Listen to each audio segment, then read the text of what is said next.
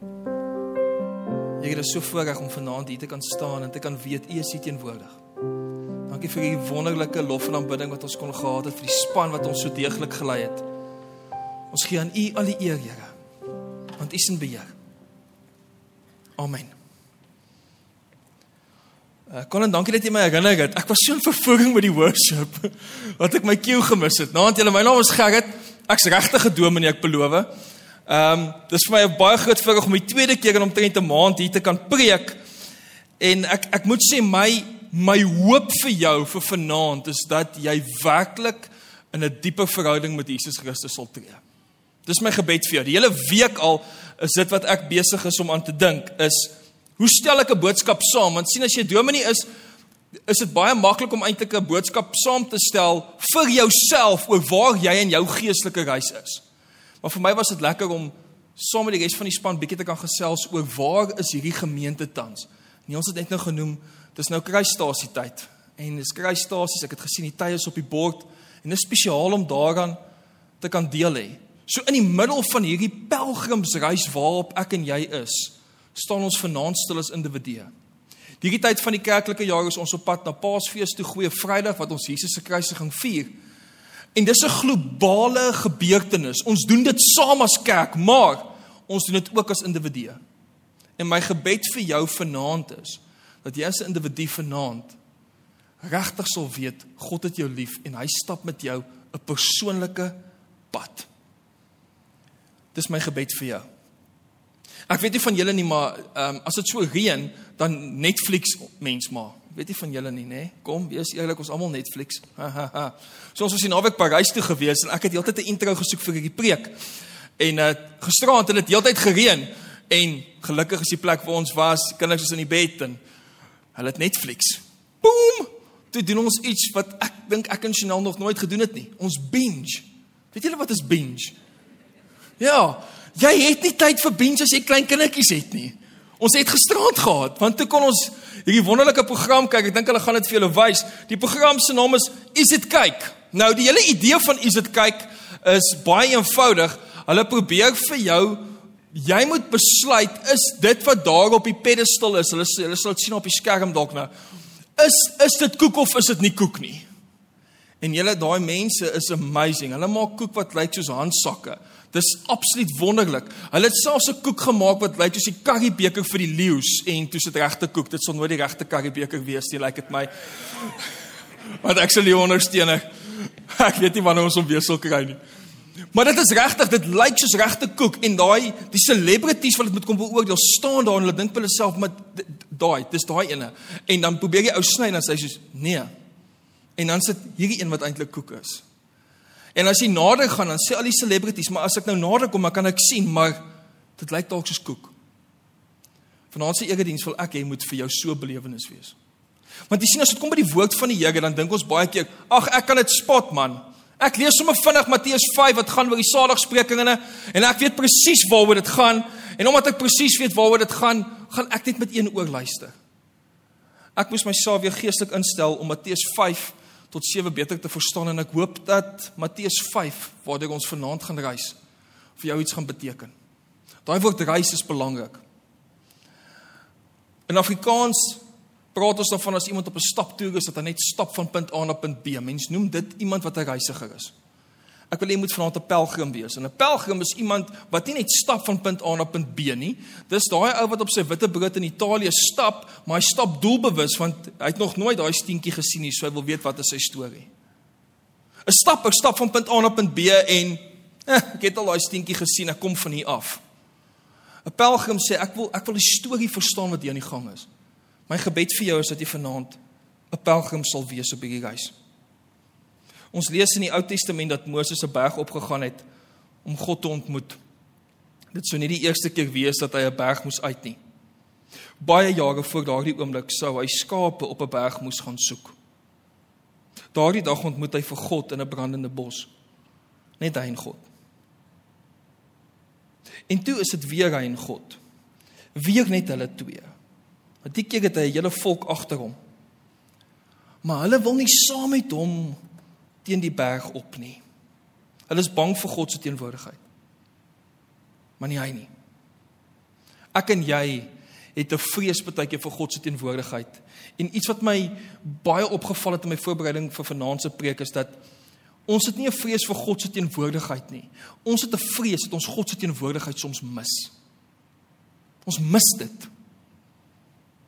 So asof jy by 'n prysuitdeling was en na die tyd sê ek ek het dit gemis. My my kind het trofee gekry en is wonderlik of wat ook al maar ek het ek het die oomblik net gemis. Soos of dit net te vinnig was. Ons is nie bang om God se teenwoordigheid te beleef nie. Ons is bang ons word oorgeslaan daarmee. En dan wat sê ons vir mekaar? Ons sê vir mekaar goeie soos ag die Here is nie altyd so teenwoordig in 'n mens se lewe nie. Terwyl ons weet dis nie die waarheid nie. God is hier teenwoordig by ons vanaand. En hy is besig om vir jou te sê ek wil hê jy moet agter my seun Jesus Christus op teen 'n berg. Ek gaan vir jou 'n prentjie wys gou op die skerm van 'n berg. En uh in die agtergrond gaan jy die see van Galilea sien.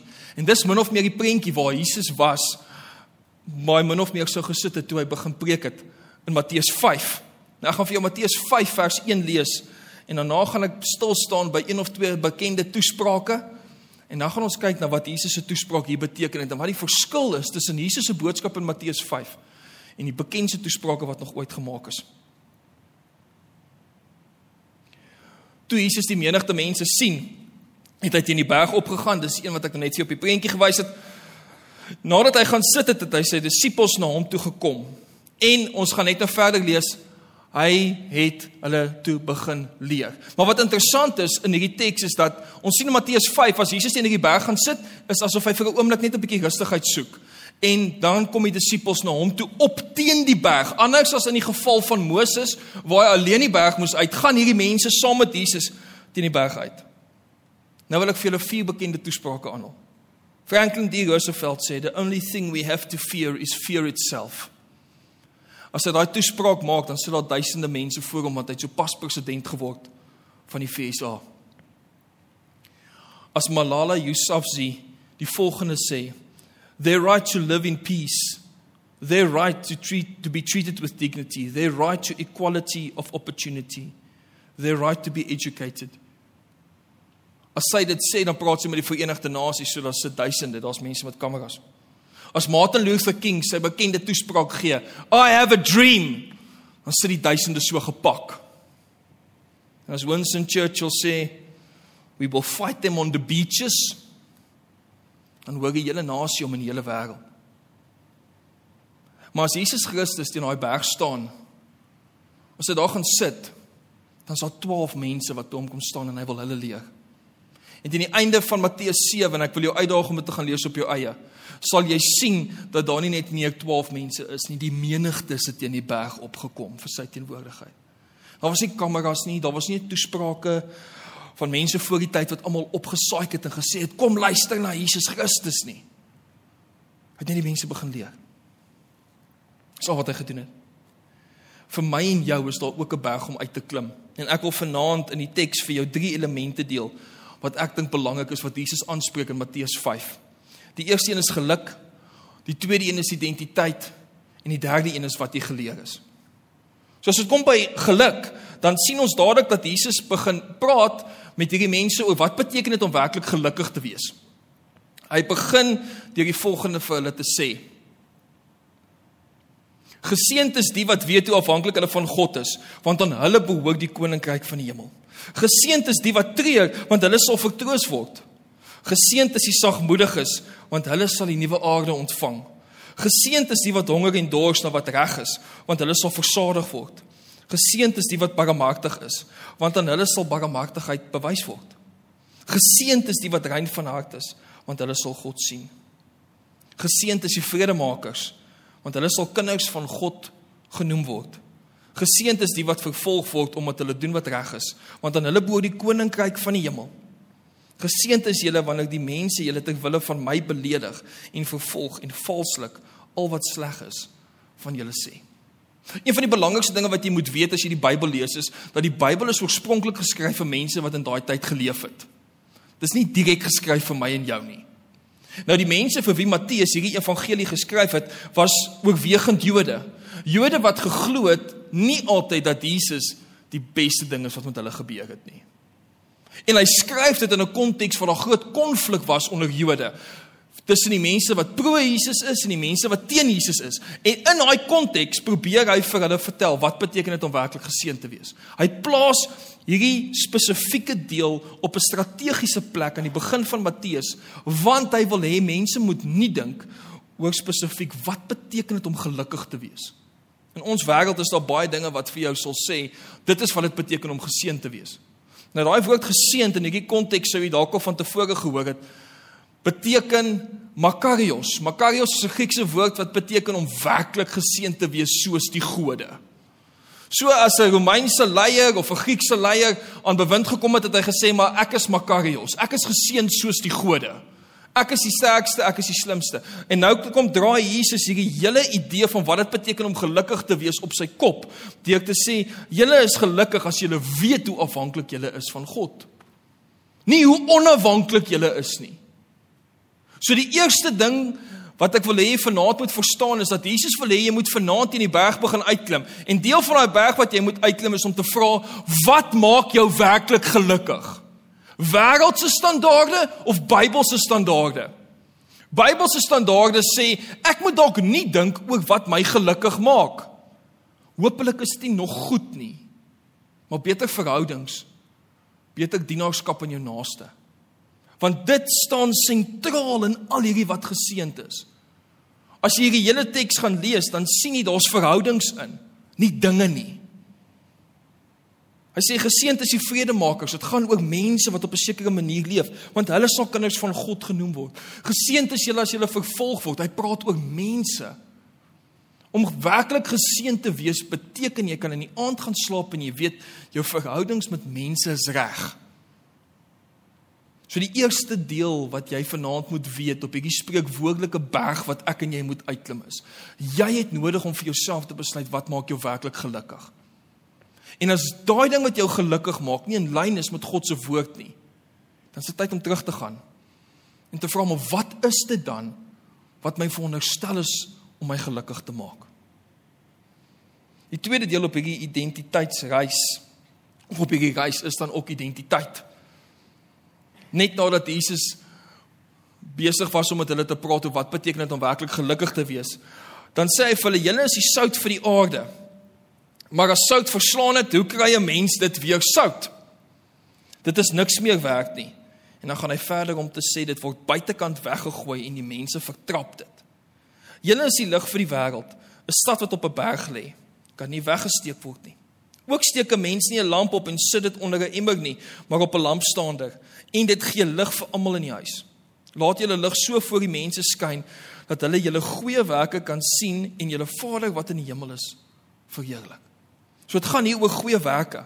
Goeie werke wat gekoppel is aan 'n sekere identiteit. Sout en lig. Julle sou dit net nou gesien het op die skerm ook van ons is die lig vir die wêreld en dis deel van hierdie gemeente se identiteit. Ek dink dit is so krities belangrik in vandag se tyd. Ek wil net stil staan by die sout deel, want die lig deel kry partykeer in preke baie aandag. Maar het julle geweet dat in sekere dele van die wêreld toe Jesus geleef het, was sout amper kosbaarder as goud. Jy kan dit maklik onthou ook wanneer dit rym. Sout en goud. Sout was partykeer per ons verhandel teen dieselfde waarde wat goud was. Het jy geweet dat sout gebruik was om babetjies te was? Kan jy dink wat is die impak daarvan as jy jou babatjie wil was en seker maak jou babatjie is gesond, vir alle pasgebore babatjie. En jy kom agter die sout wat jy het het verslaan. Dan is dit nie net niks werd nie. Dis eintlik besig om jou te belemmer om jou kind skoon te hou. Ek wil hê jy moet die radikaliteit van daai deel van die boodskap vanaand mooi verstaan. Dis hoekom Jesus sê die sout sal weggegooi word. Dis amper asof Jesus vanaand vir ons wil sê, watter tipe sout is jy? Is jy sout wat nie net daar is om kos te beskerm en te bewaar nie, want ons weet sout doen dit ook, maar is jy die tipe sout wat mense fisies kan beskerm soos wat babetjies beskerm word? Is jy bereid om daai tipe sout te wees? Is jy bereid om jou lewe op te offer? Want dis waaroor dit hier gaan deel van ons identiteit nadat ons besluit het wat ons gelukkig maak is. Ons identiteit is dat ons sout is wat genesend moet wees vir almal rondom ons. Die derde berg wat daar vir my en jou voorlê wat ek hier raak lees. Is dit wat jy geleer is? In die volgende deel praat Jesus spesifiek van 6 kere waarin hy sê: "Julle het gehoor dat daar gesê is" en dan skep hy 'n nuwe konteks. En dit was Jesus se manier om te sê: "Kom verby dit wat jy geleer het, so wat beteken dit om kind van God te wees? Ek gaan vir julle kom leer wat dit beteken." So nadat hy vir hulle sê julle identiteit is om sout en lig te wees, sê hy die berg wat jy nou moet uitklim is om seker te maak jy glo werklik wat jy geleer is. Is belangrik vir jou lewe. Maar voordat hy na dit toe gaan, is daar 'n belangrike deel net so in die insetsel wat hy sit. Jy kan daarna by die huis gaan kyk vanaand. Dis die deel wat hy spesifiek praat daaroor dat uh, hy nie hier is as Jesus om die wet tot nul te maak nie. Hy is hier om die wet te kom bevestig, om dit sy volheid te gee. Jy kan daarna gaan kyk vanaand. Maar as ons kyk na Matteus 5 vers 21 En daar's ses dele spesifiek waar Jesus dan nou sê, julle het gehoor dat daar van die oudheid af gesê is. Dan praat Jesus spesifiek hier. Ehm um, hy sê julle het gehoor dat daar van die oudheid af aan die mense gesê is, jy mag nie moord pleeg nie en elkeen wat moord pleeg is strafbaar voor die regbank. En dan pak Jesus dit verder uit om te sê, selfs al skel jy jou broer as 'n idioot, dan is jy strafbaar. Wat nogal nie 'n nice ding is nie, nê. Nee. Dan gaan hy verder in in vers 38 tot 42 wat 'n sterk koneksie het met vers 21 en ek wil dit ook vir ons lees. Nou nou wil ek bietjie praat voordat julle die laaste skyfie net wys. Julle het gehoor dat daar gesê is 'n oog vir 'n oog en 'n tand vir 'n tand. Maar ek sê vir julle, julle moet julle nie teen 'n kwaadwillige mens verset nie. As iemand jou op jou regter wang slaan, draai ook die ander wang na hom toe. As iemand jou hof toe wil vat om jou onderklere te eis, gee hom ook jou boklere. As iemand jou dwing om sy goed 1 km ver te dra, dra dit vir hom 2 km. Gee aan hom wat iets van jou vra en moet hom wat van jou wil leen nie afwys nie. Dis nogal 'n moeilike een daai laaste sinnetjie nê. Nee. Ek sê gewoonlik vir iemand as jy by my wil kom leen, kom net einde van die maand, nie so vir die 20ste nie. As dit min of meer reg is met jou. Maar Jesus praat hier spesifiek oor wat dit beteken vir ons as gelowiges om anders te leef. Jy het gehoor dat daar in die ou tyd vir jou gesê is, as iemand gewelddadig is teenoor jou, wees gewelddadig terug. So maklik soos dit. Nou toe ons groot geword het, eh, partykeer nogal rof groot geword, al was my pa dominee. En my pa het altyd vir ons gesê en ek moet net by sê, ek en my broers albei predikante vandag. My pa het altyd vir ons gesê, as iemand jou klap, draai die ander wang, maar as hy jou weer klap, dan sort jy hom uit want hy's ernstig. En dit is eintlik op 'n op 'n snaakse manier wat Jesus besig is om hier te sê. Hy het gesê as iemand jou klap, draai ook die ander wang, menende wys hom uit as 'n gewelddenaar. Wys hom uit as iemand wat geweld pleeg, as iemand wat onredelik is, as iemand wat nie 'n oomblik kan vat om net na te dink oor wat is besig om te gebeur in daai oomblik nie. Ons almal weet mos nou dat woorde konflik lei gewoonlik tot fisiese konflik. En woorde konflik waar mense mekaar nie verstaan nie, lei tot 'n fisiese tipe van 'n konflik. Jesus probeer hier in hierdie spesifieke deel sê, daar's jou weg van uitnemendheid. Ek wil hê jy moet 'n berg uitklim om nie te dink oor hoe vinnig jy reageer in konfliksituasies, want dis waaroor dit hier gaan. Nou, het daar die afgelope week nog 'n interessante konfliksituasie gebeur in Amerika. Ons almal het gesien hoe Will Smith uh vir Chris Rock net so 'n bietjie bykom. En ek moet sê die afgelope week was daar baie artikels geskryf hieroor. So ek wil dit nie spesifiek uitpak nie, maar ek wil hê ons moet prakties raak vir 'n oomblik en net die volgende vraag vra. Sou ons anders dink oor hierdie hele scenario as ons net as gelowiges 'n oomblik terug staan en probeer om Will Smith en Chris Rock te verstaan? Byvoorbeeld al wat ons baie van ons sien is gewoon net Hier's 'n komediant wat een tree te ver gegaan het en iemand het uiteindelik vir hom gesê, "Dis sulke tyd, boetie." En ons 'n ander groep wat sê, "Nee, ons moet dadelik, ons moet vergewe, dadelik. Ons ons jy weet, as iemand jy ons draai die ander wang, ons kan nie net so mekaar klap nie, Will Smith, regtig."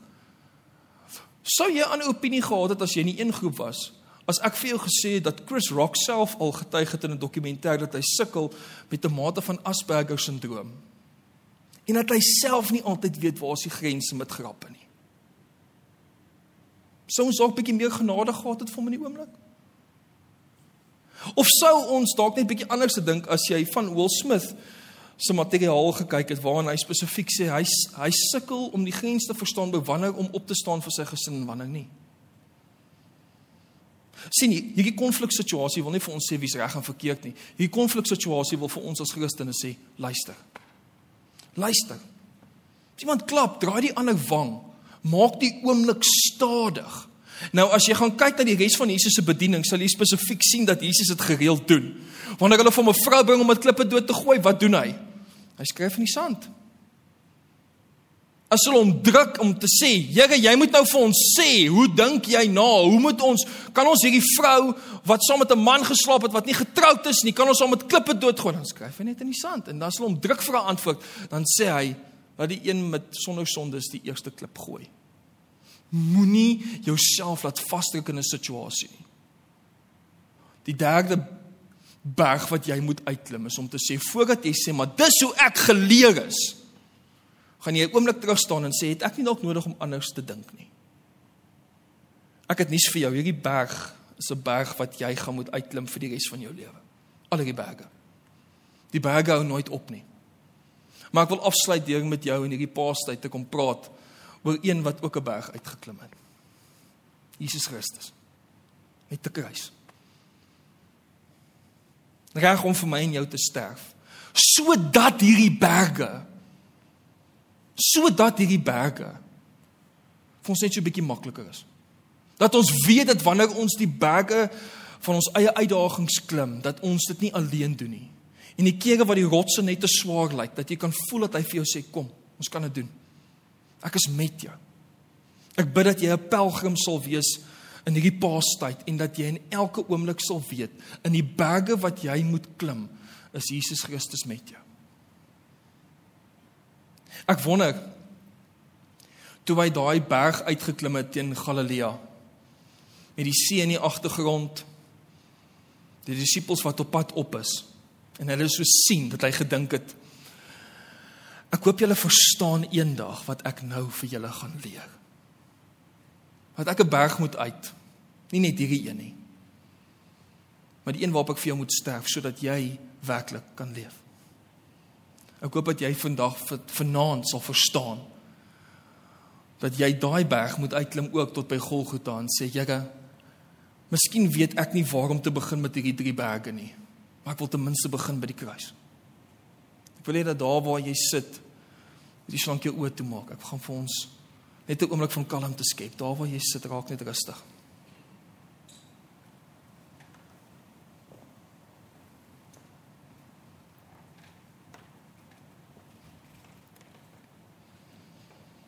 Ja, ek het geen idee wat 'n persoonlike reise elkeen van die mense wat hier sit vanaand het nie. Ek ken my eie reis. Ek verstaan my eie reis waarop ek 'n pelgrim is en waar ek sekere uitdagings het. Maar ek weet Here dat ek so dankbaar is ek hoef dit nie alleen te doen nie. En ek is so dankbaar Here dat ek hier saam met ander gelowiges nou kan sê Here asseblief help my op die berge wat ek moet uit in my lewe. Veral in hierdie paastyd. Here dankie dat U vir ons vriende gee, medegelowiges. Mense vir wie ek kan sê ek het 'n berg. Ek ek sukkel met die deel van identiteit. Ek sukkel om oor hierdie ding te kom dat ek geleer het dat rasisme die uitweg is of wat ook al. Help my, stap saam met my op pad, bid saam met my. Ek bid dat dit sal deursypel na elke deel van hierdie pragtige gemeente. Almal wat aanlyn kyk, dat hulle sal weet hulle is nie alleen nie. Ek ek bid dat ons die sout sal wees vir die aarde. Sout wat nie verslaan nie, sout wat kan gebruik word om babetjies wat pasgebore is se velle te beskerm dat ons amper gesond sal sout sal wees wat gesond maak. Ons sê vir U dankie Here in hierdie paastyd dat U U seun gestuur het om 'n berg uit te klim sodat ons berge vir ons nie so swaar is nie.